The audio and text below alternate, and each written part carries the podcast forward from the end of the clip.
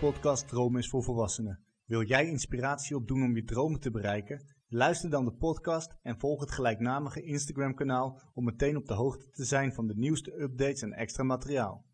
En als je vriend van de show wordt, dan heb je toegang tot exclusief materiaal en kom jij als eerste meer te weten over de aankomende gasten. Vergeet ook niet om de show 5 sterren te geven in je favoriete podcastspeler. Vandaag heb ik Antoinette Spaan te gast. Antoinette is de persoon achter verschillende reiswebsites, waaronder WeWantToTravel.com. En zij is de host van de podcast voor avontuurlijke vrouwen. In haar podcast heeft ze het onder andere over haar reis in haar werkende leven, maar ook over de dingen die ze zelf heeft ervaren met haar gezondheid. Antoinette, welkom bij de podcast en hoe gaat het met je op deze nou, stormachtige dag? ja, ik heb jou net vanuit de auto. Ja, ik ben er, maar ik wacht even tot de hagel voorbij is, tot ik bij je aanbel, want ik moest nog even een stukje lopen. Uh, nee, gaat goed.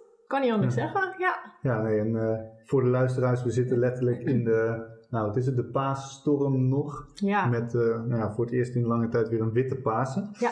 Uh, nou goed, ik heb jou uitgenodigd, want ik zei het al eerder, jij bent een, je hebt verschillende reiswebsites, waaronder wewanttotravel.com, mm -hmm. maar ook eentje met betrekking tot Nieuw-Zeeland en... De Veluwe. De Veluwe. Yes. Um, ja, reizen, dat is, uh, net hadden we al even gesproken, reizen is iets wat heel veel mensen tof vinden. En in deze coronatijd hebben ook heel veel mensen zoiets van, ja, ik wil, uh, wil weer op reis. Mm -hmm. Maar door alle coronarestricties kan dat niet. Nee. Waar komt bij jou jouw passie voor reizen vandaan?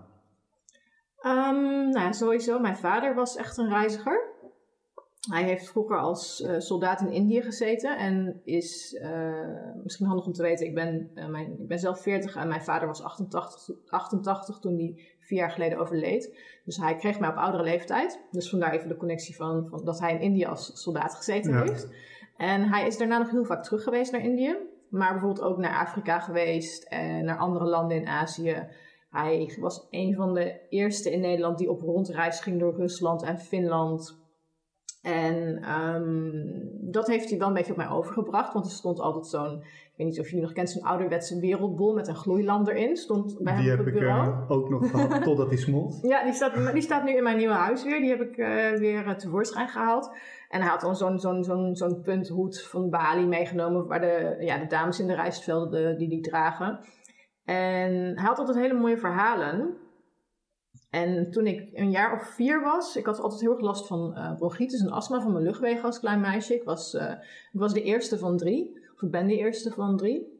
En toen heeft de dokter mijn, uh, mij voorgeschreven, ga eens naar de bergen. Dus toen zijn mijn ouders met mij naar de bergen gereden. Nou ja, dat was in 1984 in het oranje Opel kadetje. Ik zie mezelf ook echt nog letterlijk zitten. Er waren geen uh, gordels of zo. Dus ik zat letterlijk tussen mijn ouders in, met mijn neus vanaf de achterbank. En zo te wachten van, ja, zijn we er nou? Zijn we er nou? Want ik was heel ongeduldig, want mijn moeder had mij verteld, ja, we gaan naar, naar Oostenrijk en daar zijn de bergen heel erg hoog. En ik wist niet wat ik me kon voorstellen, want ja, vroeger was er geen internet. Nee. En je had ook niet de mogelijkheid om even te laten zien, ja, je moest echt een plaatjesboek kopen of zo, of een reisgids. Dus ik wist helemaal niet wat ik me als klein meisje daarbij voor moest stellen. En toen kwamen we aan in de berg. Toen heb ik eerst geroepen, nou, dat is ook niet hoog. Want ik dacht dat ze echt letterlijk tot aan de hemel zouden reiken.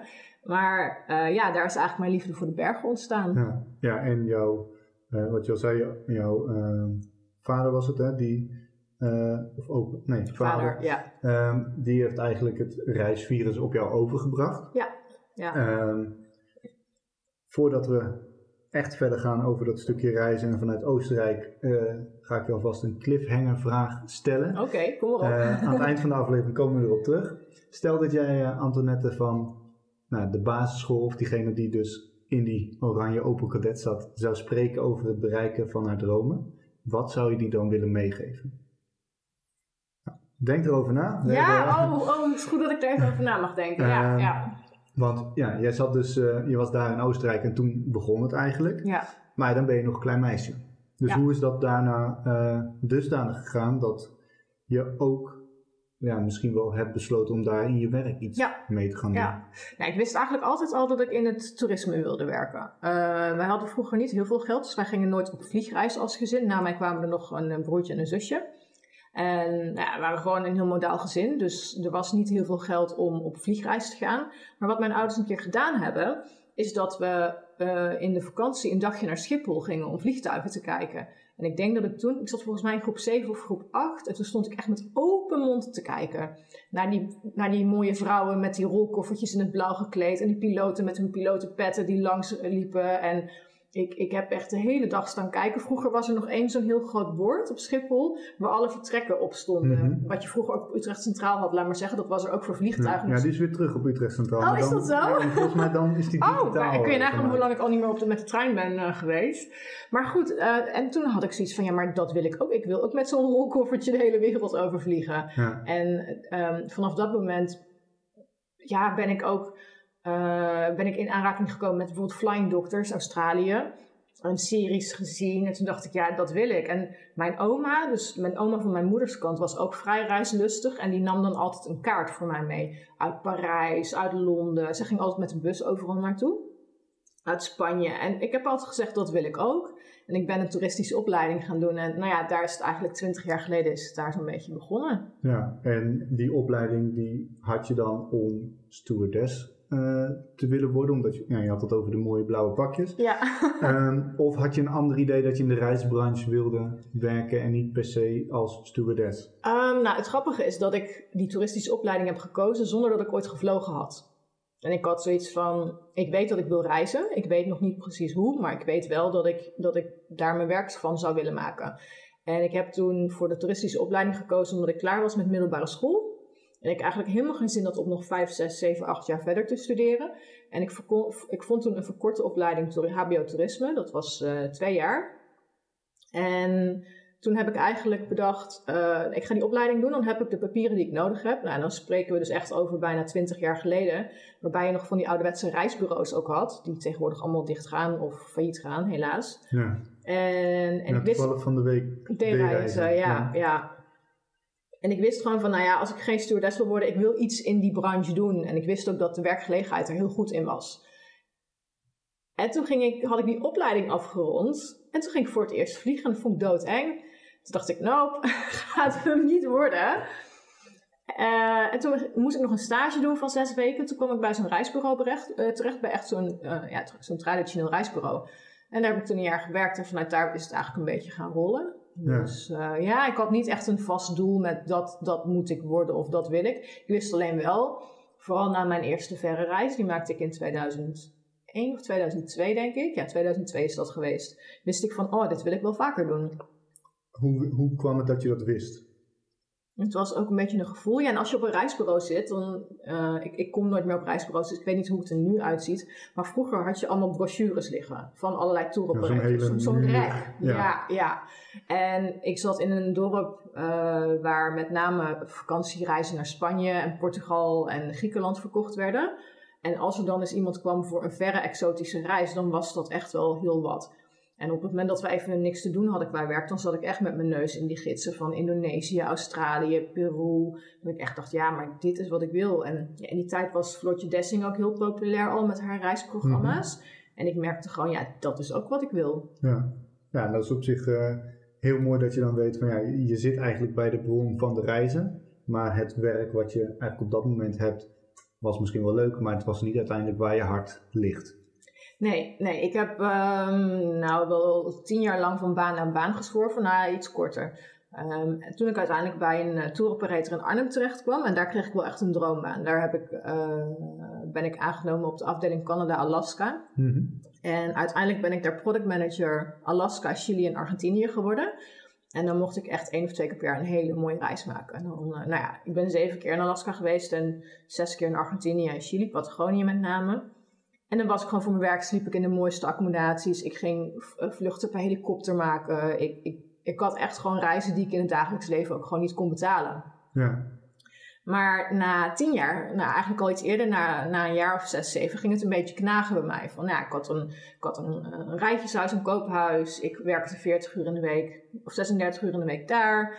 Uh, ik had een relatie, geen kinderwens, geen huisdieren. Maar ik had maar vijf weken vakantie in jaar, op een jaarbasis. Toen dacht ik, ja, maar dat is, ik was altijd aan het struggelen met Ja. hoe ga ik nou mijn vakantiedagen Want die, indelen. die reizen naar Alaska, Argentinië, Chili, dit waren niet jouw vakantiedagen, dat was Nee. echt werkreis. Studiereis. ja, dat heette dan studiereis. En dan ging je eigenlijk in, in, in uh, sneltrein tempo maakte ik een reis die onze klanten dan ook maakten, of een deel daarvan, omdat ik niet zo lang op kantoor gemist kon worden. En, toen had je nog niet het op locatie kunnen werken, eigenlijk zoals we nu hebben. Nee, maar dat, nee, dan heb ik het ook echt al over vier jaar geleden dat ik daar, eh, nou ja, een heel lang verhaal kort. Uiteindelijk eh, vroeg een goede vriendin van mij, vroeg mij van, ik zat een beetje zo van, ja, ik ben een product manager en ik vind het wel leuk, maar ik wil dit niet nog 40 jaar doen. Ja, Tot aan het pensioen of 30 jaar, ik weet even niet hoe die jaartallen precies volgens mij zitten. je 67ste. Ja joh, nou tegen de tijd dat ik zover ben, dan zal het wel 70ste zijn of zo. Vermoed ik. Maar ik had zoiets van, ik had zo'n beetje het hoogst haalbare binnen, binnen die sector had ik voor mijn gevoel bereikt. En het begon een beetje te priemen van, ja, wat, wat wil ik dan? En ik had al wel een reisblog, gewoon heel ouderwets. En daar hield ik eigenlijk gewoon de verhaaltjes bij van eh, wat ik op vakantie deed. Gewoon echt heel simpel. En toen vroeg mijn, een van mijn beste vriendinnen vroeg aan mij toen van... eh, als je alles zou mogen kiezen, wat zou je dan echt willen? Goeie vraag. Ja, en, en, en nu is- is dat iets waar ik heel veel mee bezig ben met, op het gebied van persoonlijke ontwikkeling. Maar toen had ik echt zoiets van, ja, maar stel dat ik alles zou kunnen kiezen, wat zou ik dan echt willen? En dan moest ik even nadenken. Toen zei ik, ja, ik wil eigenlijk wel een soort van schrijvende Floortje Dessing worden. Nou, dat is, ik denk dat het ook wel tot de verbeelding spreekt wat je dan Ja, wil doen. Ja, ja. En, en toen ben ik onderzoek gaan doen, diezelfde avond nog. Het grappige is dat mijn toenmalige vriend was op IJsland op eh, een reis aan het begeleiden. En ik had dus alle tijd van de wereld om daar helemaal in te duiken. En toen kwam ik er dus achter dat er letterlijk mensen zijn, of destijds waren, die met het hebben van een reisblog geld konden verdienen. Ja, En toen dacht ik, hé, hey, wacht eens even, maar als zij dat kunnen, dan kan ik dat ook. ja. Alleen dat is niet van de een op de andere dag geregeld. Nee, nee. Hoe, hoe is dat dan gegaan? Want je hebt dus, het zaadje is geplant. Mhm. Ehm, maar ja, voordat je dus een blog die je had, zeg maar, kan uitbouwen, dat je daadwerkelijk de schrijvende Floortje Desting kan zijn. Mhm. Ehm, hoe is dat proces verlopen? Ehm, nou, ik, eh, als ik even terugdenk, dit was in 2013. Nou, we zitten nu in 2021. En ik ben in eerste instantie ben ik heel veel gaan lezen. Binnen Nederland was er toen maar heel beperkt eh, mogelijkheden voor bloggers. Dus ik heb me toen met name internationaal gefocust. Wat doen internationale bloggers en hoe, hoe pakken die het aan? Ehm, hoe werkt dat? En toen eh, heb ik tegen mijn toenmalige vriend gezegd van nou, ik wil graag met mijn blog. Eh, ik wist niet, toen nog niet dat ik het fulltime wilde gaan doen. Ik wist alleen van hé, hey, ik zou het leuk vinden om wat geld bij te kunnen verdienen. Ja. En eh, toen zei ik tegen hem, zou je willen kijken of je onze site kan ombouwen naar een echt een mooie blogsite. Dus hij is daarmee aan de slag gegaan. Eh, ik had toen wel zo gezegd van, nou, het lijkt me leuk om daar meer mee te gaan doen, maar niet echt bedacht van, dat wil ik fulltime. En een half jaar later ehm, kwam ik per toeval terecht op een evenement voor bloggers, georganiseerd in Amsterdam. Ehm, en er waren iets van, nou, ik denk wel 30 of 40 reisbloggers uit heel Nederland. En toen merkte ik ineens, hé, hey, er zijn meer mensen die dit leuk vinden. En ik woonde in Arnhem. En nou ja, dat is dan voor heel veel mensen van ver weg, want niet in de Randstad. En eh, ik vind Arnhem overigens fantastisch. Maar ja, ik kwam eigenlijk niet zo vaak in Amsterdam, Rotterdam, die kant Nee. op. Dat was niet mijn ding. eh, Tenzij ik eh, vanaf Schiphol ergens naartoe vloog. Maar ik kwam dus ineens tot de ontdekking dat er gewoon heel veel mensen waren. Voor mijn gevoel ineens die dat leuk vonden. Ja. En ik won die avond won ik een prijs, een reis naar Curaçao. Omdat mijn blog was uitgekozen tot de prijswinnaar van die avond. En toen stonden er ineens allemaal mensen om mij heen om mijn visitekaartje te vragen voor samenwerking. En ik dacht echt, oh wauw, wat gebeurt hier? Dus ik leefde echt een beetje, zo kwam thuis in een soort van bubbel van wat gebeurt me Mhm. nou dan? En daarna is het eigenlijk allemaal heel snel gegaan. Wat je dan doet, is dat je jezelf gaat inschrijven bij PR-bureaus. Je, gaat, je komt in contact met, met bestemmingen. Eh, promoten, promoten, promoten, werken, werken, werken. En op een gegeven moment kreeg, had ik best wel een leuk inkom, eh, leuke inkomsten naast mijn fulltime baan. Maar merkte ik wel van ja, ik zit 36 uur per week op kantoor, soms 40, de andere keer 32. Maar, maar ik zag heel veel potentie op mijn, in mijn website. Ik merkte dat ik steeds meer aanbiedingen kreeg om, naar, om op reis te gaan voor mijn blog. Ik kreeg aanvragen voor advertenties en advertorials, voor andere samenwerkingen. Maar ik kon het niet doen omdat ik maar vijf weken vakantie op jaarbasis had. Eigenlijk dat probleem wat je net eerder ook al zei. want Dat was precies de vraag van, oké, er komt heel veel op je af ineens. Ja. Maar volgens mij werkt hier nog. Nou, precies, ik werkte gewoon. En ik, op een gegeven moment, ik was zo druk met alle ballen in de lucht aan het houden. Want ja, dan werd ik weer gevraagd, wil je vier dagen naar Zweden komen voor een reportage? Ja, te gek. Dus dan moest ik, ik was dan één keer in de twee weken, op vrijdag was ik vrij. Nou, dan nam ik de donderdag nam ik vrij. En dan was het woensdag na het werk, was het spullen inpakken. Vrijdag of nou, donderdagochtend heel vroeg naar Schiphol. Nou, donderdag, vrijdag, zaterdag in Zweden. Zondag weer naar huis. Nou, dan kwam ik vaak zondagavond laat kwam ik thuis. En dan was maandag gewoon weer aan het werk. Soms had ik twee, drie van die weekenden achter elkaar. Ja, achteraf denk ik, het was gewoon gekke werk. Maar het was wel wat ik wilde. Ja, en hoe, uh, kijk, je wilde het, dus dan kan ik me heel goed voorstellen dat je dat gewoon, gewoon doet, om het zo te zeggen. Uh, maar je zegt ook, het was gekke werk. Voelde dat toen ook zo? Nee, op dat moment deed ik, echt, deed ik het echt vanuit passie en omdat ik niet beter wist. Nu baken ik dingen steeds beter voor mezelf af. Omdat ik uiteindelijk ook in een burn-out terecht ben gekomen. Deels omdat ik zoveel, omdat ik zoveel werkte, maar ook deels vanwege privéomstandigheden. Mm dat is ook uiteindelijk de reden geweest dat ik mijn baan heb opgezegd. Gewoon gezegd van, nou, nu is het moment. Daar kunnen we het straks nog wel even over hebben. Maar um, ja, achteraf is het natuurlijk voor niemand gezond als je 70 uur per week werkt, drie jaar lang. Nee. Ook al is het hobby. Uh, ik lag wel regelmatig s'avonds met hartkloppingen in bed. En ik zat echt...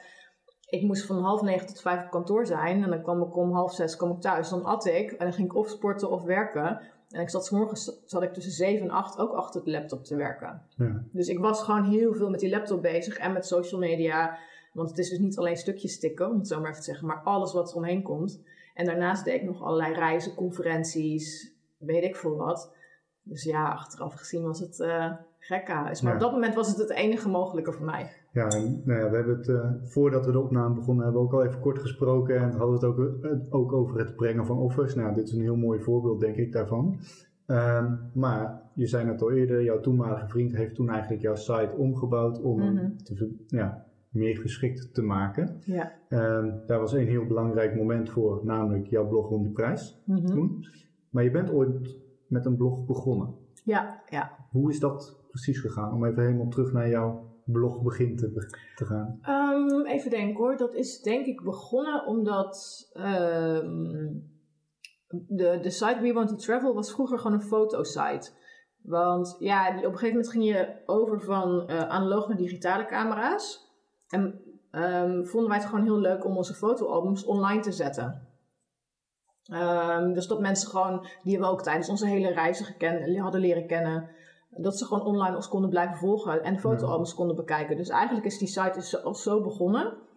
En toen gingen, gingen we voor zes weken naar Nieuw-Zeeland. En 2011 was dat. En toen zei ik, het lijkt me wel leuk om een blog te hebben. Ik vond het altijd al leuk om te schrijven. En stukjes te schrijven, maar ook, uh, ik heb heel lang uh, penvriendinnen gehad, dus brieven te schrijven, uh, verhalen te schrijven. Ik was altijd, ja, een schrijfmeisje, altijd achter de typemachine van mijn vader.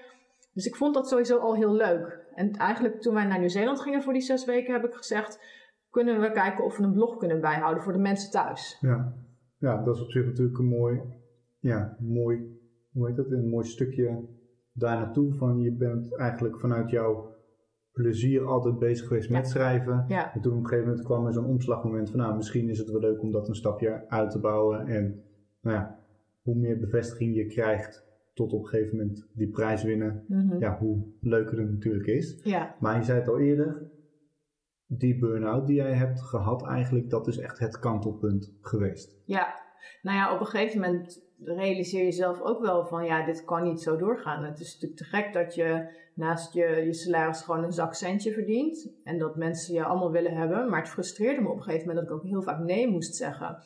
Want een, een, een persreis, zoals dat genoemd wordt, komt vaak heel last minute.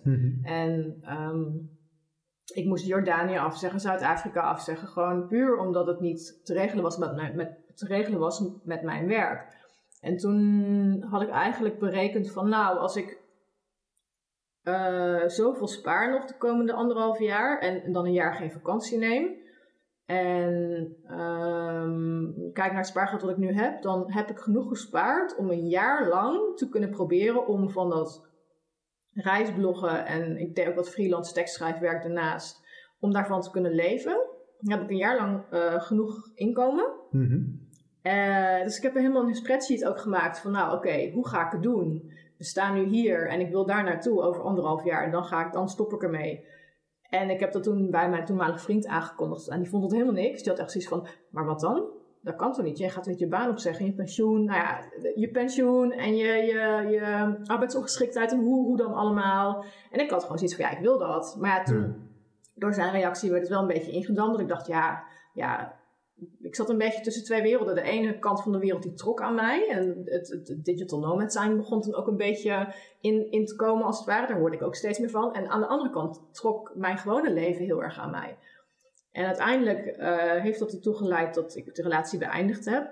In, in, in goede vriendschap overigens. Dat, eh, dat hebben we eigenlijk gewoon samen besloten van... Nou, ik wil die kant op, jij wil die kant op.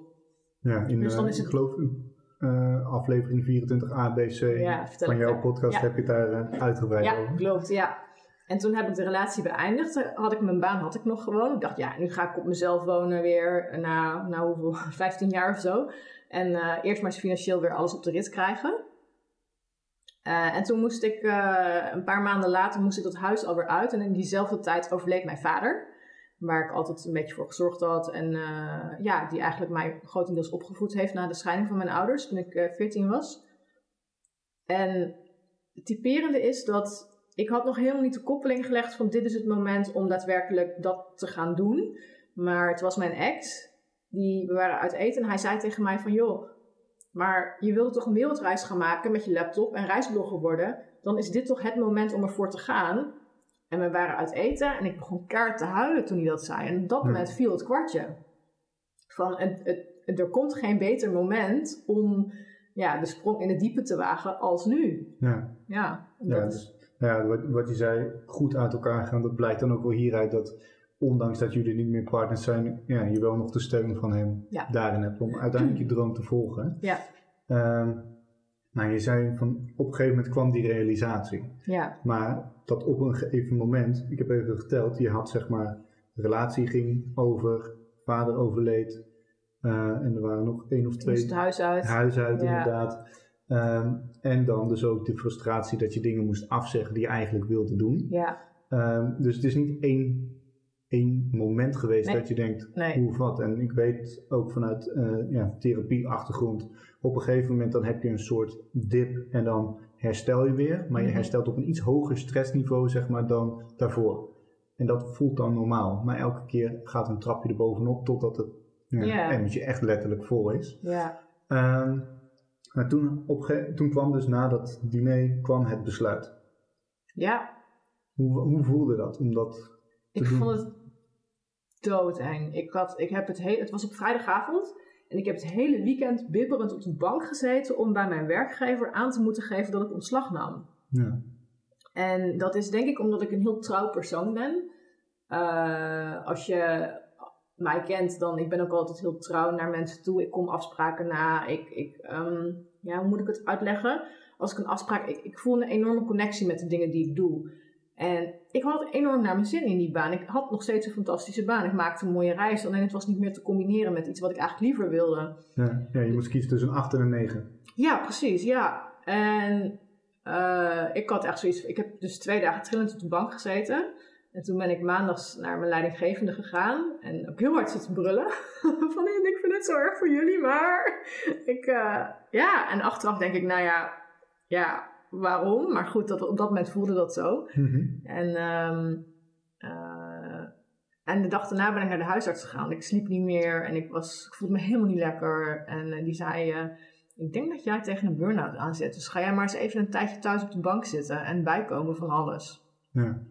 En dat, dat is hoe ik mijn, ja, die periode in mijn leven gestart ben eigenlijk. Met een, nou ja, ik weet niet of het echt een, een burn-out was in de zin van... Ik kon heel veel dingen nog wel. Eh, ik kon bijvoorbeeld gewoon een wandelingetje maken van een uur. En ik kon ook gewoon mijn stukjes wel schrijven. Maar ik kwam in mijn hoofd gewoon niet meer tot rust. Ik stond alleen maar aan. Mijn cortisol levels, waar ik toen nog nooit van gehoord had. Maar dat is ja, iets waar ik tegenwoordig veel meer mee bezig ben. waren zo hoog dat ik alleen met hartkloppingen in bed lag de Ja. hele nacht. ja, en dan is eigenlijk de, datgene wat de huisarts heeft aangegeven, die heeft dan een soort van bevestigd van nou, eh, volgens mij moet je even eh, aan de rem trekken. Ja, Ehm, toen de huisarts dat tegen jou zei, voelde dat dan eerder als een soort schrik of als een bevestiging van ja, het is, eh, het is oké zeg maar nu? om dat te doen? Ja, het ging heel erg tegen mijn principe in, want ik voelde me niet te moe om te werken. Uh, ik ben uiteindelijk ook, denk ik, maar een maand of zo echt thuis geweest. En ik voelde me schuldig bij alles wat ik deed. Dus echt van ja, maar ik kan toch gewoon wel een paar uurtjes komen werken. En um, uh, uiteindelijk ben ik na twee maanden ben ik gewoon fulltime aan de slag gegaan. Ook omdat uh, de burn-out was niet, het, was het werk was niet per definitie de oorzaak. Het was alleen waar het eruit komt, omdat je daar natuurlijk het meeste van de tijd bent. Maar ik was gewoon al veel te lang over mijn grenzen gegaan. Niet alleen, uh, niet alleen op werkgebied, maar ook gewoon op privégebied. En was gewoon veel aan de gang. En ik denk dat eigenlijk het was een combinatie van, waardoor ik niet meer, uh, ja, waardoor het gewoon even niet lukte. Um, en ook een stukje uh, het verwerken van alles wat er met mijn vader was gebeurd. Want die was een jaar daarvoor was die, uh, of aangereden tijdens toen ik in IJsland zat. En dat heeft me heel erg aangegrepen. Daarna is hij een heel revalidatie ja, traject als het ware ingegaan. En ik had altijd het idee van, ja, ik wil wel op wereldreis, maar niet als het zo slecht met hem gaat. Hij was altijd een beetje mijn zorg van, ja, als ik dan een paar dagen op trektocht was geweest in het buitenland en ik zette mijn mobiel weer aan, was er altijd die angst van, komt er dadelijk een berichtje dat er iets, dat is namelijk twee keer gebeurd, dat er iets met hem gebeurd is. Mm -hmm. um, en dat is altijd goed afgelopen, maar er zal een dag komen dat misschien dan een berichtje komt van, ja, je moet naar huis, want je vader is, is er niet meer. wat als in je achterhoofd. Ja, ja. En ik heb dat nu helemaal niet meer met mijn moeder. Mijn moeder is gewoon hartstikke gezond en, en mijn, de rest van mijn familie ook. Maar met mijn vader had ik dat heel erg. Omdat ja, hij was toch een beetje aan het sukkelen met zijn gezondheid de laatste jaren. Dus er viel ook een soort van last van mijn schouders. Van hé, hey, maar ik hoef niet meer thuis te blijven voor hem. Ja. Dus, en dat begon ik pas na een tijdje te zien. Van, oh wacht even, maar alles wat er nu gebeurd is. En ja, het heeft echt wel een maand gekost voordat ik echt inzag van, ik ga een ander leven tegemoet. Ja, ja nee, wat ik, nou ja, de luisteraars kunnen dat natuurlijk niet zien, maar ik zie een hele energieverandering bij jou. Van ja, dit, dit was echt het moment dat je eigenlijk het pad van je droomleven gestart bent, om het zo te zeggen. Um, en dat heb je een aantal jaar gedaan. Um, wat is daarin het meest memorabele? Oeh. Nou, het leven wat ik me toen voor me zag, uh, toen eigenlijk toen dit allemaal afspeelde, was dat ik gewoon met mijn laptop een beetje over de wereld zou gaan zwerven. En het moment waarop ik dacht van, nou, ik heb toch geen huis meer, ik heb geen relatie meer, ik heb, ja, ik heb mijn familie, maar daar kom ik voor terug. En eigenlijk het moment dat ik na, je, je zag destijds heel veel foto's van, zoals dat dan heet, digital nomad, oftewel mensen die locatie onafhankelijk kunnen werken. Die zag je veel voorbij komen op social media en dan hadden ze een met een laptop op het strand of met een cocktail erbij, met onder de palmbomen. De meest mooie idyllische foto's. Ja, dat zag je heel veel voorbij komen. En zo dacht ik van, oh, dat wil ik eigenlijk ook wel. Maar ik kwam er al reizende achter dat ik ook gewoon een thuis miste. En ik denk eigenlijk dat de omslag is geweest dat, uh, dat ik voor mezelf durfde toe te geven. Ik hou heel erg van reizen, maar ik wil ook gewoon een eigen plekje ja. hebben in Nederland. Ja, toch ergens waar je kan aarden, waar je je wortels kan uitzetten. En zodra het klaar is om weer te bloeien, dat je dan weer ja, ja, ja. op en, stap gaat. En dat was best wel, um, hoe moet ik dat zeggen? Mm, was best wel iets, want je was of digital nomad of je woonde gewoon in Nederland met, met een, een baan en een huis en, en eventueel kinderen en huisdieren en, en dat. En op dat moment waren er heel weinig tussenwegen. Je had geen hybride variant weinig op dat moment nog maar. Dus uh, uh, de meeste mensen die ik dan kende, die terugkwamen van, van, van zo'n reis waarbij ze het pro geprobeerd hadden, of na twee jaar toch zeiden van ik wil toch weer, die gingen dan ook vaak weer in loondienst. Omdat ja, loondienst is gewoon zekerder. Dus, um, en dat snap ik ook volledig, vooral in deze tijden. En ik had zoiets van, nee maar ik wil eigenlijk helemaal niet fulltime reizen. En ik, ik miste gewoon, ik was namelijk op die wereldreis was ik een aantal keer terug in Nederland. Uh, dat is heel ingewikkeld, maar ik heb dus niet zo'n round the world ticket geboekt waarvan ik naar land, naar, van, waarbij ik van land naar land reisde.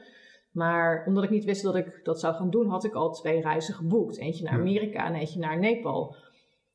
En, Lekker om de hoek van elkaar. Ja, er zat ook een half jaar tussen, tussen die twee bestemmingen. Maar ik had uitgezocht dat het niet goedkoper was om van plaats naar plaats te vliegen. En ik had die tickets al, die kon ik niet meer annuleren. Dus ik dacht, nou ja, dan ga ik maar gewoon kijken hoe ik het kan inkleden. Ja, dan vlieg ik gewoon op en neer. Uh, ja. Vier jaar geleden was de duurzaamheid was er al wel, maar nog niet zo uitdrukkelijk als nu. Daar was ik toen ook eerlijk gezegd niet mee bezig. Maar elke keer dat ik thuis kwam, moest ik of bij mijn broertje slapen of bij uh, een vriendin van mij slapen. Ik heb zelfs nog in mijn oude huis van mijn ex geslapen toen hij op reis was. En dat voelde zo eenzaam dat ik gewoon, ja, gewoon geen plek had voor mezelf. Nee, je was eigenlijk meer op een huisje aan het passen dan dat het echt een thuis was, om het zo te zeggen. Ja, ja. Um, Nee, maar wel ja, mooi dat je dat zegt van je hebt een idee van dit is hoe het digital nomad zou moeten zijn. Maar als je dan daadwerkelijk uh, ja, dat gaat doen, dan blijkt dat die foto die je ziet van het digital nomad bestaan helemaal niet is zoals het is. Er spelen heel veel factoren mee, zoals gevoel, wat je niet op een foto kan zien. Nee, klopt. Uh, nou, het gevoel wat heel veel mensen natuurlijk, om een mooi bruggetje hebben, op dit moment hebben, is uh, denk ik, frustratie omdat we kan reizen heel weinig kunnen. Ja, ja. Um, en ik heb jou uitgenodigd om een aantal redenen. Natuurlijk, jouw verhaal vind ik echt super tof en hoe je je dromen bereikt. Maar ook, ik ben zelf bezig om te kijken wat kunnen we mm doen qua reizen. Um, maar dankzij de corona uh, is er een beperking. Ja. We kunnen gewoon niet zomaar naar het buitenland. Überhaupt, nou ja, je zei het al, duurzaamheid, het vliegen, dat wordt ook steeds uh, bekender bij iedereen. En de keuze om een uh, ja, bewijzen van met het vliegtuig naar Antwerpen te gaan of met de trein. Dat dus, nou ja, vroeger werd er niet over nagedacht en nu is het toch ja, wel iets dat je denkt van nou, misschien toch maar de trein pakken. Um, maar jij reist eigenlijk voor je werk. Grotendeels wel, ja. Hoe heb je dan nu dat afgelopen jaar met al die coronamaatregelen kunnen uh, ja, volbrengen, doorstaan? Ik weet niet wat het goede woord daarin is. Doorgekomen. Um, Even denken hoor. Nou ja, het, het lastige aan de crisis is dat niemand weet wanneer het afgelopen is. Dus uh, als je mij, uh, nou we zitten nu volgens mij in 13 maanden ongeveer. Ja. Als je mij 13 maanden geleden had gevraagd, had gezegd dat dit 13 maanden en nog langer zou duren, had ik gezegd: Je bent koekoek, dat gaat echt niet gebeuren. Want ze gaan echt niet de hele wereld platleggen. Sterker nog, de middag dat wij, dat ik, uh, ik had een evenement in Amsterdam, een Oostenrijk evenement van het Oostenrijks Verkeersbureau.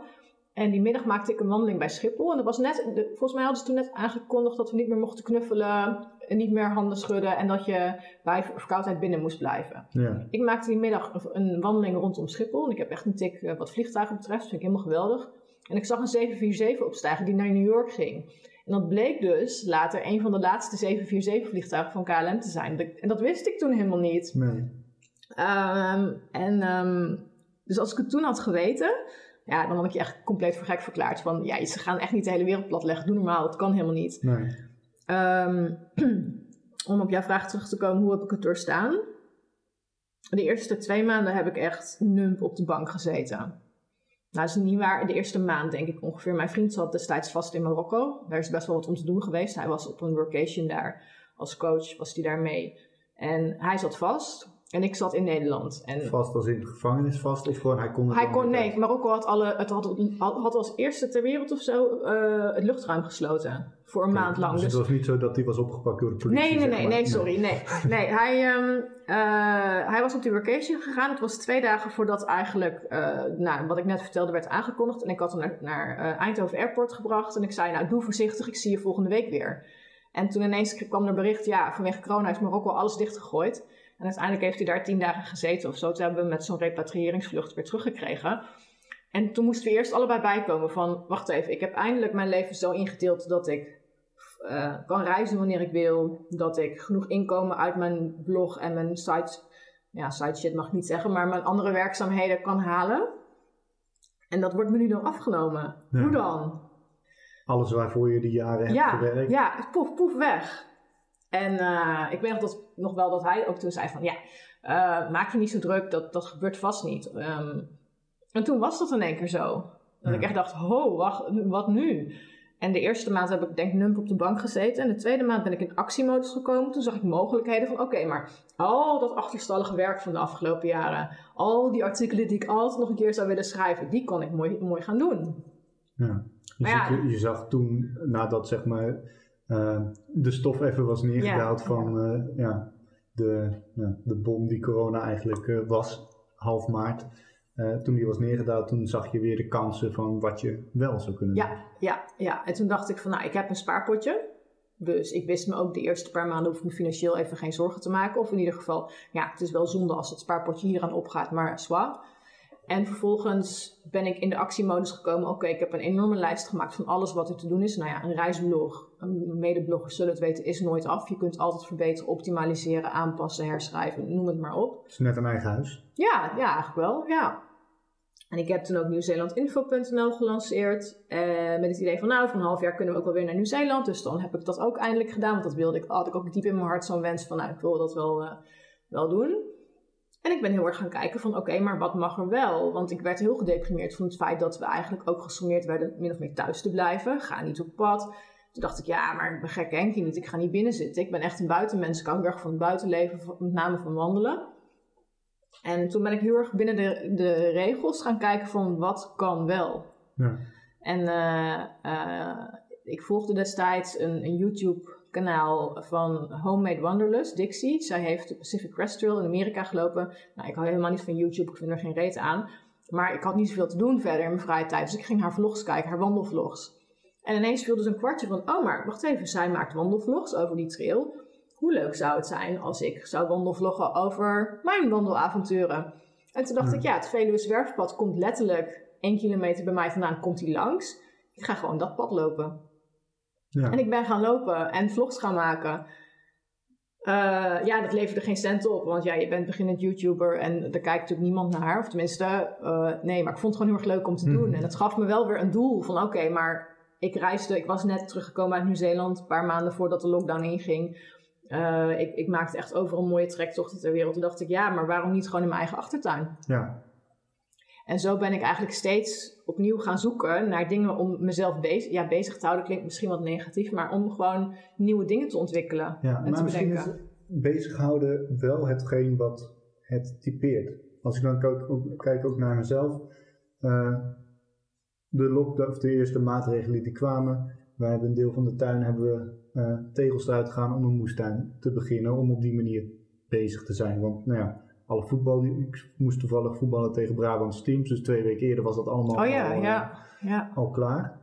Ehm, ja, mijn neefje is ook geboren precies toen eh, eind februari. Dus dat gaf ook wel iets om te doen of eh, mee bezig te zijn. En op die manier, ja, iedereen kwam thuis te zitten. Ja. En heel veel mensen hebben of zijn met het huis aan de slag gegaan of hebben toch dingen gezocht om te doen. Al die nieuwe hobby's die in één keer eh, bezig waren. Eh, of die mensen weer oppakten. Puzzelen. Ik ben gaan puzzelen. Duizend stukjes. Nooit gedaan in mijn leven, maar ik ben maar gaan puzzelen. Ja, en dan is het omdat je even niks beters te doen Ja, hebt. Maar aan ja, de ja. andere kant, puzzelen zelf. Je begint aan iets. Je weet exact wanneer het af is. Ja, ja, ja. Mits er een stukje ergens verdwijnt natuurlijk. Ehm, maar dat zijn wel van die dingen. Ze zijn afgekaderd. En dat Ja. is eigenlijk ook met het lijstje wat jij zei. Van ja, in eerste instantie wisten we niet wat we moesten doen. En prio 1 was jouw vriend terughalen. Mhm. En toen dat gedaan was, dan kan je bedenken, oké, maar wat gaan we nu doen? En dan heb je dicht bij huis eigenlijk datgene gedaan wat je wilde doen. Ja, ja, ja, ja. Ehm, en je zei net ook al, je houdt vooral van wandelen. Ja, ja. Waar komt dat vandaan? Waar komt jouw eh, wandellust? Wandelust, ja. vandaan? Ik heb het woord wandelust ook op mijn voet getatoeëerd. Dat is echt heel, een paar jaar geleden al. Heel grappig.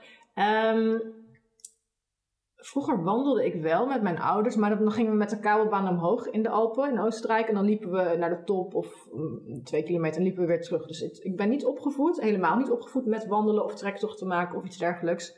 Maar ik denk dat het ontstaan is ehm, toen ik in 2002 naar Australië ging. Dat was eh, dus 20 jaar geleden dus. Toen was Australië voor de jeugd van toen, was dat echt het, de plek om naartoe te gaan. De, je kon zo'n working holiday visum aanvragen en eigenlijk iedereen die ik kende, die ging backpacken, ging om te backpacken naar Australië.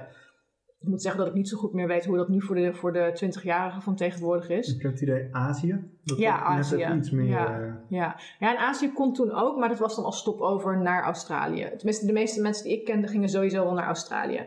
En ik had veel gehoord over Nieuw-Zeeland, dus ik zei ook van, nou, ik wil eigenlijk wel naar Nieuw-Zeeland ook. Dus ik heb toen twee maanden Australië, één maand Nieuw-Zeeland en weer twee maanden Australië gedaan. En in Nieuw-Zeeland, de natuur daar sprak mij zoveel meer aan. Het is, ze liggen naast elkaar, maar het zijn enorm verschillende landen. Ze hebben ook heel veel gemeen, maar ook heel groot verschil. En daar is mijn liefde voor Nieuw-Zeeland uiteindelijk ook ontstaan. Ja. Maar ik kwam er dus achter dat de mooiste plekken van Nieuw-Zeeland alleen te voet bereikbaar zijn. En toen dacht ik van, ja, maar er staat hier een bordje. nou, volgens mij was het Rootburn Track, three days walking. En ik dacht echt, hè? Drie dagen wandelen? Hoe dan? Ja. Ik, ik was daar helemaal niet mee bezig. Eh, toen hebben we een paar, een, paar, een paar wandelingen gemaakt. En dat vond ik fantastisch. Ik merkte gewoon dat ik er heel blij van werd.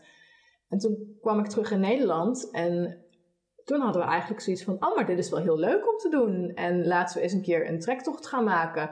En wij planden altijd onze volgende grote reis... Als we weer terugkwamen van een grote reis. Mijn eh, toenmalige vriend en ik maakten één keer per een lange of een verre reis. Dan meestal drie, vier weken ongeveer.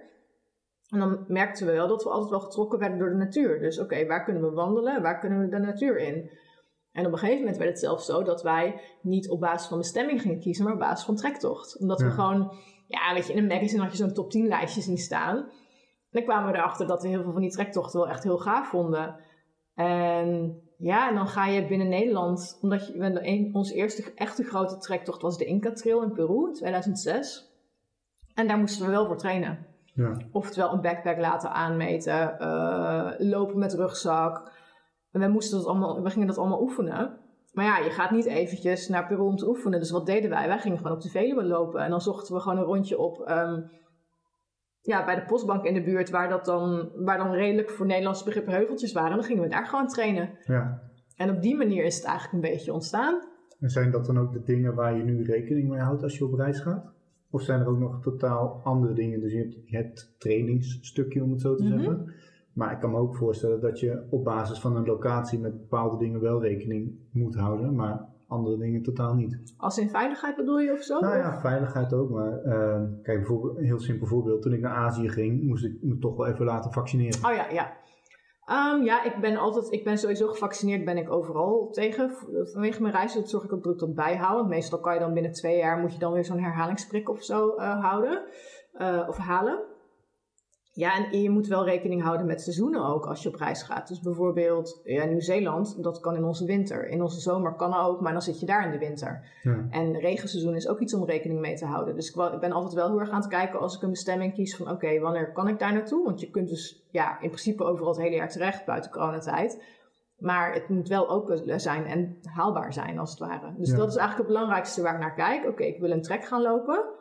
Maar wanneer is die sneeuwvrij? Wanneer is het, ga ik op het juiste moment? Wanneer is het niet te druk en ook niet te rustig? Eh, dat zijn allemaal dingen die ik dan bekijk. Ja, dus meer de, de randzaken en niet zozeer van ik moet dit, dit, dit, dit meenemen. Oh nee, maar dat heb ik allemaal. Ik heb de gear en zo heb ik allemaal standaard liggen. Ik, heb een, eh, nou, ik ben net verhuisd, of net verhuisd, nou, drie maanden geleden inmiddels. Ik heb nog een deel van mijn gear bij mijn eh, huidige vriend liggen. Want we wonen nu tegenover elkaar in plaats van bij elkaar.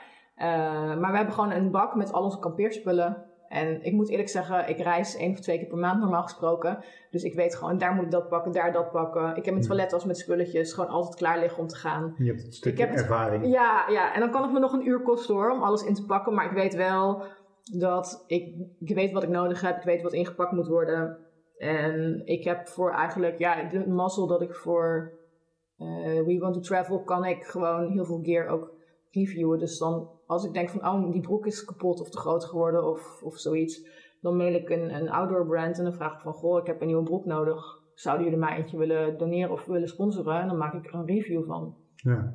Dus zo heb ik ook best wel veel spullen al bij elkaar gesproken. Ja, dan heb je wel zeg maar dat, eh, dat kan je, ja, ik zou dat kunnen doen bij wijze van, maar ik heb niet de naam als reisblogger of wat dan ook. Dus het moet dan wel, nou, die jarenlange werkzaamheden en de uren die je erin hebt gestopt Ja. om uiteindelijk jezelf daar neer te kunnen zetten. Ja, het is niet zo dat ik elk merk, dat, dat, ehm, dat een merk zomaar iedereen zijn gratis spullen gaat toesturen. Ik heb een aantal eh, werkmerken waar, veel, waar, me- waar ik veel mee samenwerk, maar dat is wel al jarenlang opgebouwd. Ja. Het was echt niet zo dat ik vanaf het begin af aan, toen ik 10 bezoekers per dag had op mijn site, dat ik alles opgestuurd kreeg. Nee, wel echt, precies. eh, het zou heel leuk zijn, maar ja, zo nee, werkt zo het werkt het, zo niet. werkt het niet. Nee, Nee. nee, nee.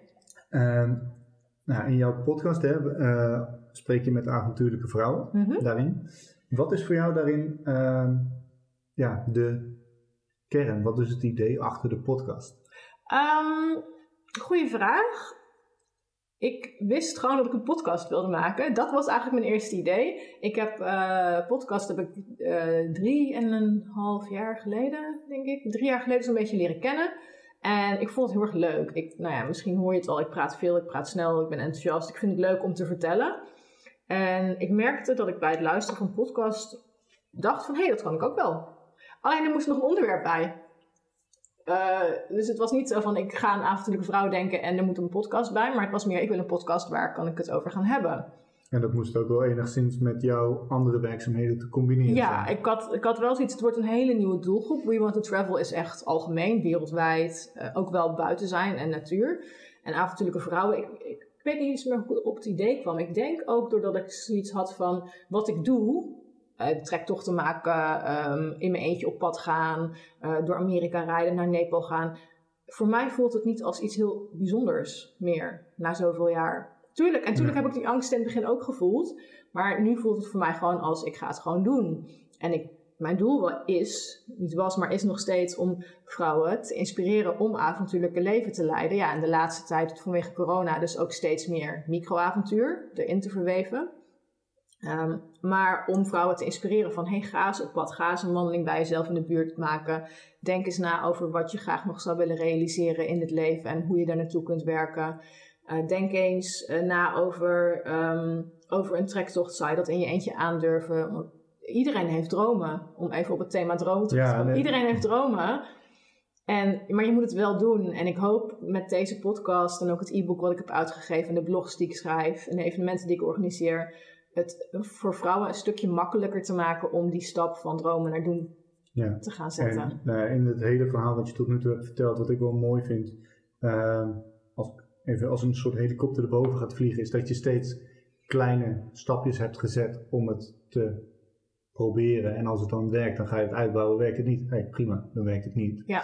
Uh, je noemde net micro-avontuur. Avontuur, ja. Wat, wat is een micro-avontuur? Ja, micro-avontuur bestaat eigenlijk al heel lang. Um, ik moet eerlijk zeggen, ik ben niet de specialist als in zijn dat ik weet. Ik weet dat een Engelsman heeft het ooit omschreven. En ik, maar ik weet niet in welk boek en welk jaartal. Dat, uh, dat uh, staat ongetwijfeld op een van mijn sites ergens. Maar een paar jaar geleden kwam ik van wereldreis dus terug. En ik dacht, ja, ik, ik hoef eigenlijk, ik ben nu wel even klaar. Ik was in een jaar tijd was ik van Amerika naar Alaska gevlogen en weer naar huis.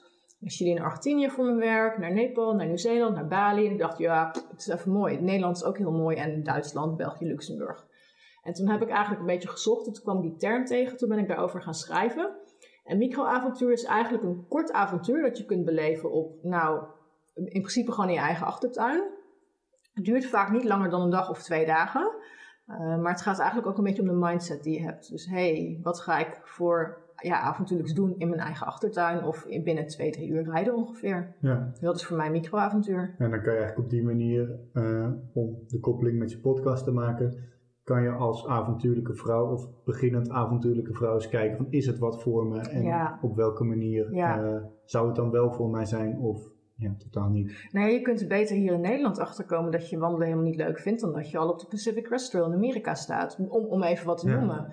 En je zal toch een bepaalde mate van voorbereiding moeten treffen um, om, ja, past die backpack wel? Ja, vind, vind je het kamperen wel leuk? Vind je dat kampeervoedsel, vind je dat wat? het is wel handig om een bepaalde mate van voorbereiding te treffen. En dat kan je gewoon prima doen door microavontuur te gaan. En daarnaast maakt het je leven ook gewoon een stuk leuker, vind ik.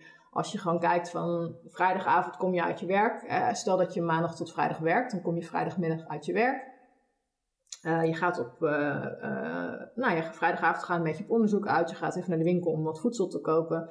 En dan pak je zaterdagochtend je rugzak in. Je gaat wandelen tot je de eerste camping tegenkomt, zet daar je tentje neer en je wandelt de volgende dag weer naar huis. Ja, ja dat, dat kan echt zo'n goed psychologisch effect hebben. Ondanks dat je in je eigen achtertuin wandelt. Ja, het is net even uit je comfortzone gaan om ja. op die manier te, te groeien. En sowieso in de natuur zijn is denk ik voor heel veel mensen goed om te doen. Zeker in deze ja. tijd dat we toch met z'n allen thuis zitten.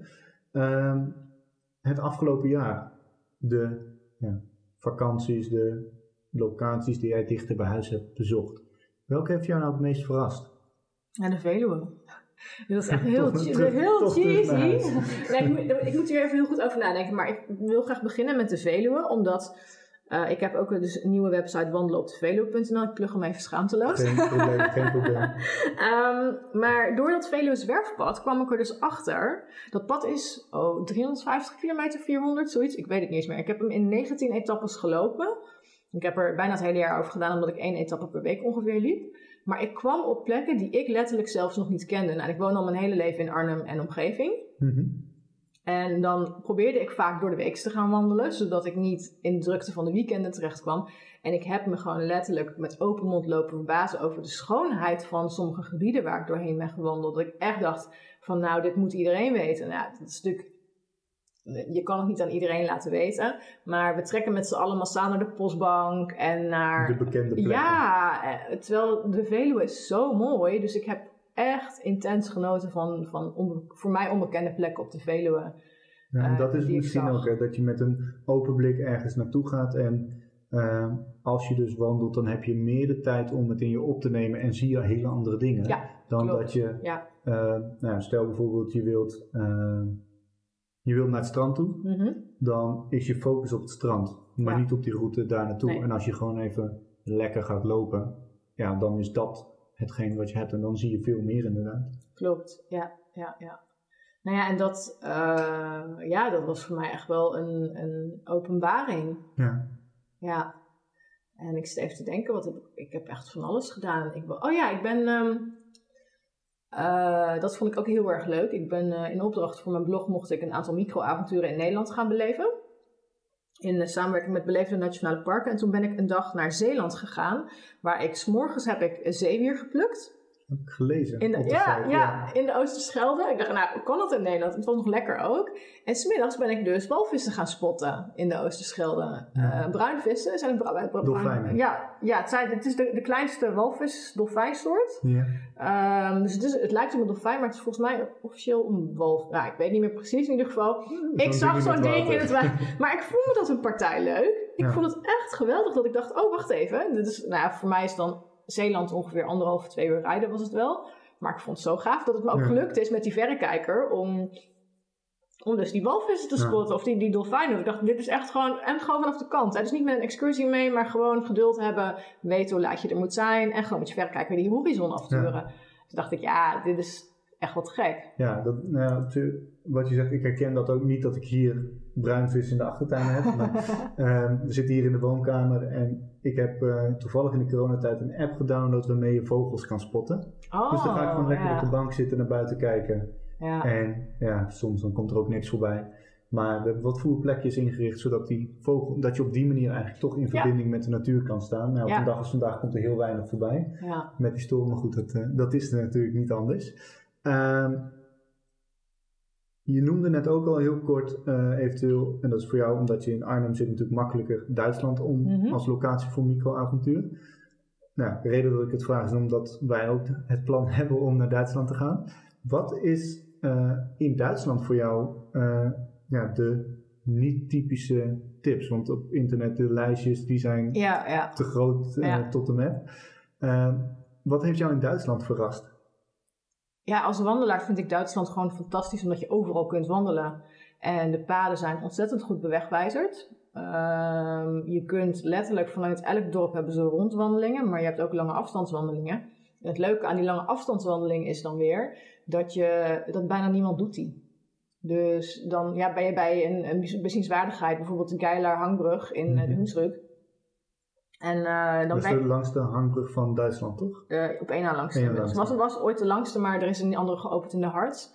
Eh, maar dan loop je daar dus en dan sta je echt in de crowd, om het zo maar te zeggen. En een uur later loop je in een bos waar gewoon niemand is. Ja. En ik, ik kan daar echt wel het, het, het, ja, het alleen zijn gevoel ervaren. En tuurlijk, het is, het is misschien niet Canada of Nieuw-Zeeland of Scandinavië.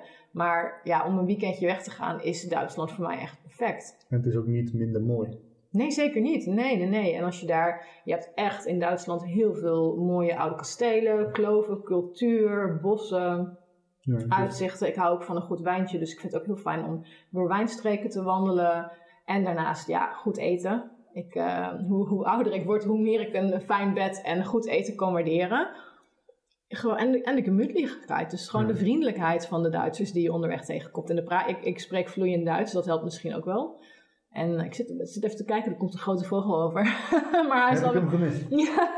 Ja, hij is alweer weg. Ik zit net even te kijken. Maar, sorry, ik, ehm, ik, ik dwaal af. Maar gewoon het algemene... Ja, de gemütlichkeit van Duitsland en het gemak waarmee je daar gewoon een wandelpad op kunt stappen en een kwartier later in een compleet andere wereld Ja. kunt staan. Ja, we hebben al wel wat mooie plekjes eh, gevonden. Dus nou voor de luisteraars om ook even te pluggen. Er komt als het goed is deze zomer wel wat eh, online van te staan. Eh, Wat heb, je, wat heb je al in gedachten? ja, we hebben eh, in gedachten om in eerste instantie naar Luxemburg te gaan om die Muller-trail Mhm. gedeelte te lopen. Daarna willen we via het Zwarte Woud naar ehm, de Titisee toe, helemaal Mhm. links onderin. En dan via eigenlijk heel Zuid-Duitsland helemaal naar de Koningszee toe, maar dan ook Ja. de Zoekspits eh, op. En Ja. bij de Bodensee is dat volgens mij. Ja, Bodensee ga ik dit voorjaar naartoe. Ja, leuk. En daarna eh, gaan we eigenlijk nog richting eh, de Eifel Mhm. tot slot. En Ja. nou, dat eigenlijk allemaal in een goede twee weken. Wauw, Dus Ja, we hebben wel ja. gezegd, gaaf. in ieder geval maximaal drie à vier uur in de auto zitten per dag. Ja, ja, zodat we ook, eh, en niet helemaal afgedraaid zijn, Nee. maar dat we ook gewoon, ook die plekjes waar je misschien sneller voorbij rijdt, dat je de tijd hebt om even te stoppen. En we hebben één dag, het is letterlijk drie uur autotijd met twee stops extra. Ja, dan ben je misschien zes, zeven uur onderweg. Ja, maar dan heb ja. je wel, Dan ben je er ook wel. wisseling. Ja, ja, ja. precies. Klinkt goed, leuk. Ja, ik, ben, eh, ik zal straks na de opname nog even laten zien eh, op de tv eh, Yes, hoe het eruit ziet. Want ik had nog één onderwerp wat ik wil aansnijden.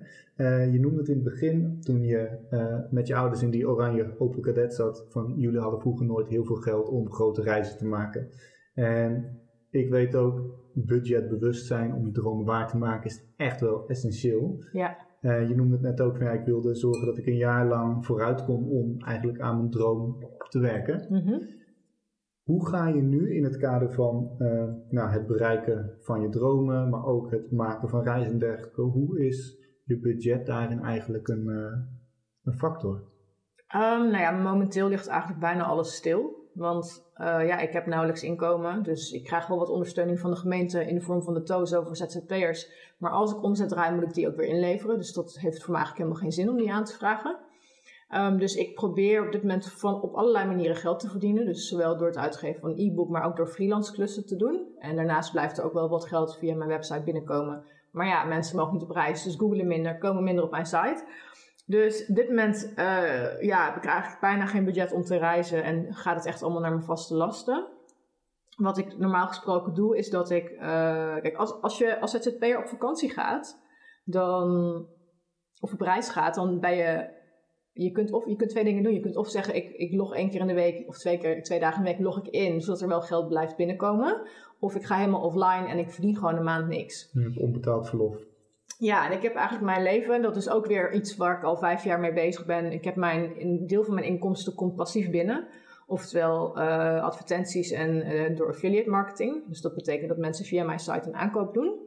En dat heb ik zo ingericht dat, een, dat, ja, dat in normale omstandigheden, dus niet in coronatijd, maar normale omstandigheden, komt een groot deel van mijn inkomsten komt daaruit binnen. Mhm. Waardoor ik gewoon kan blijven reizen, terwijl inkomsten gewoon binnenkomen.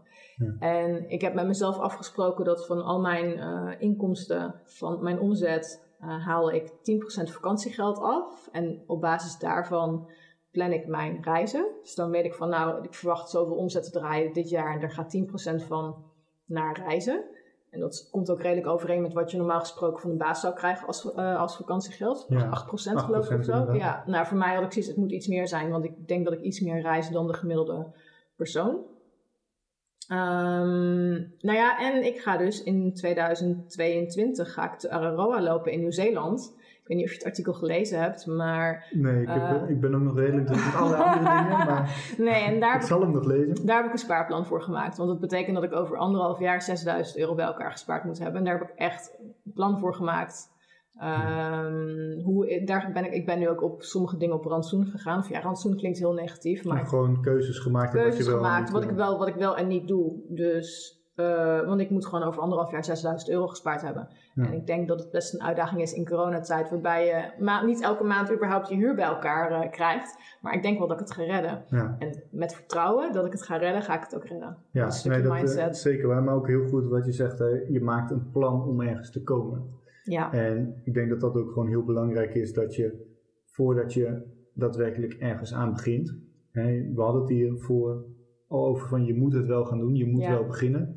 Maar ja, als jij eh vergelijkt met een wandelpad, als je wil- dat wandelpad wil lopen, dan moet je wel gaan lopen. Maar als je wandelpad A wil hebben, dan moet je wel een plan hebben dat je bij wandelpad A kan Ja. blijven. En niet Ja. dat je B, C of D hebt of de verkeerde kant op loopt. klopt. Ja.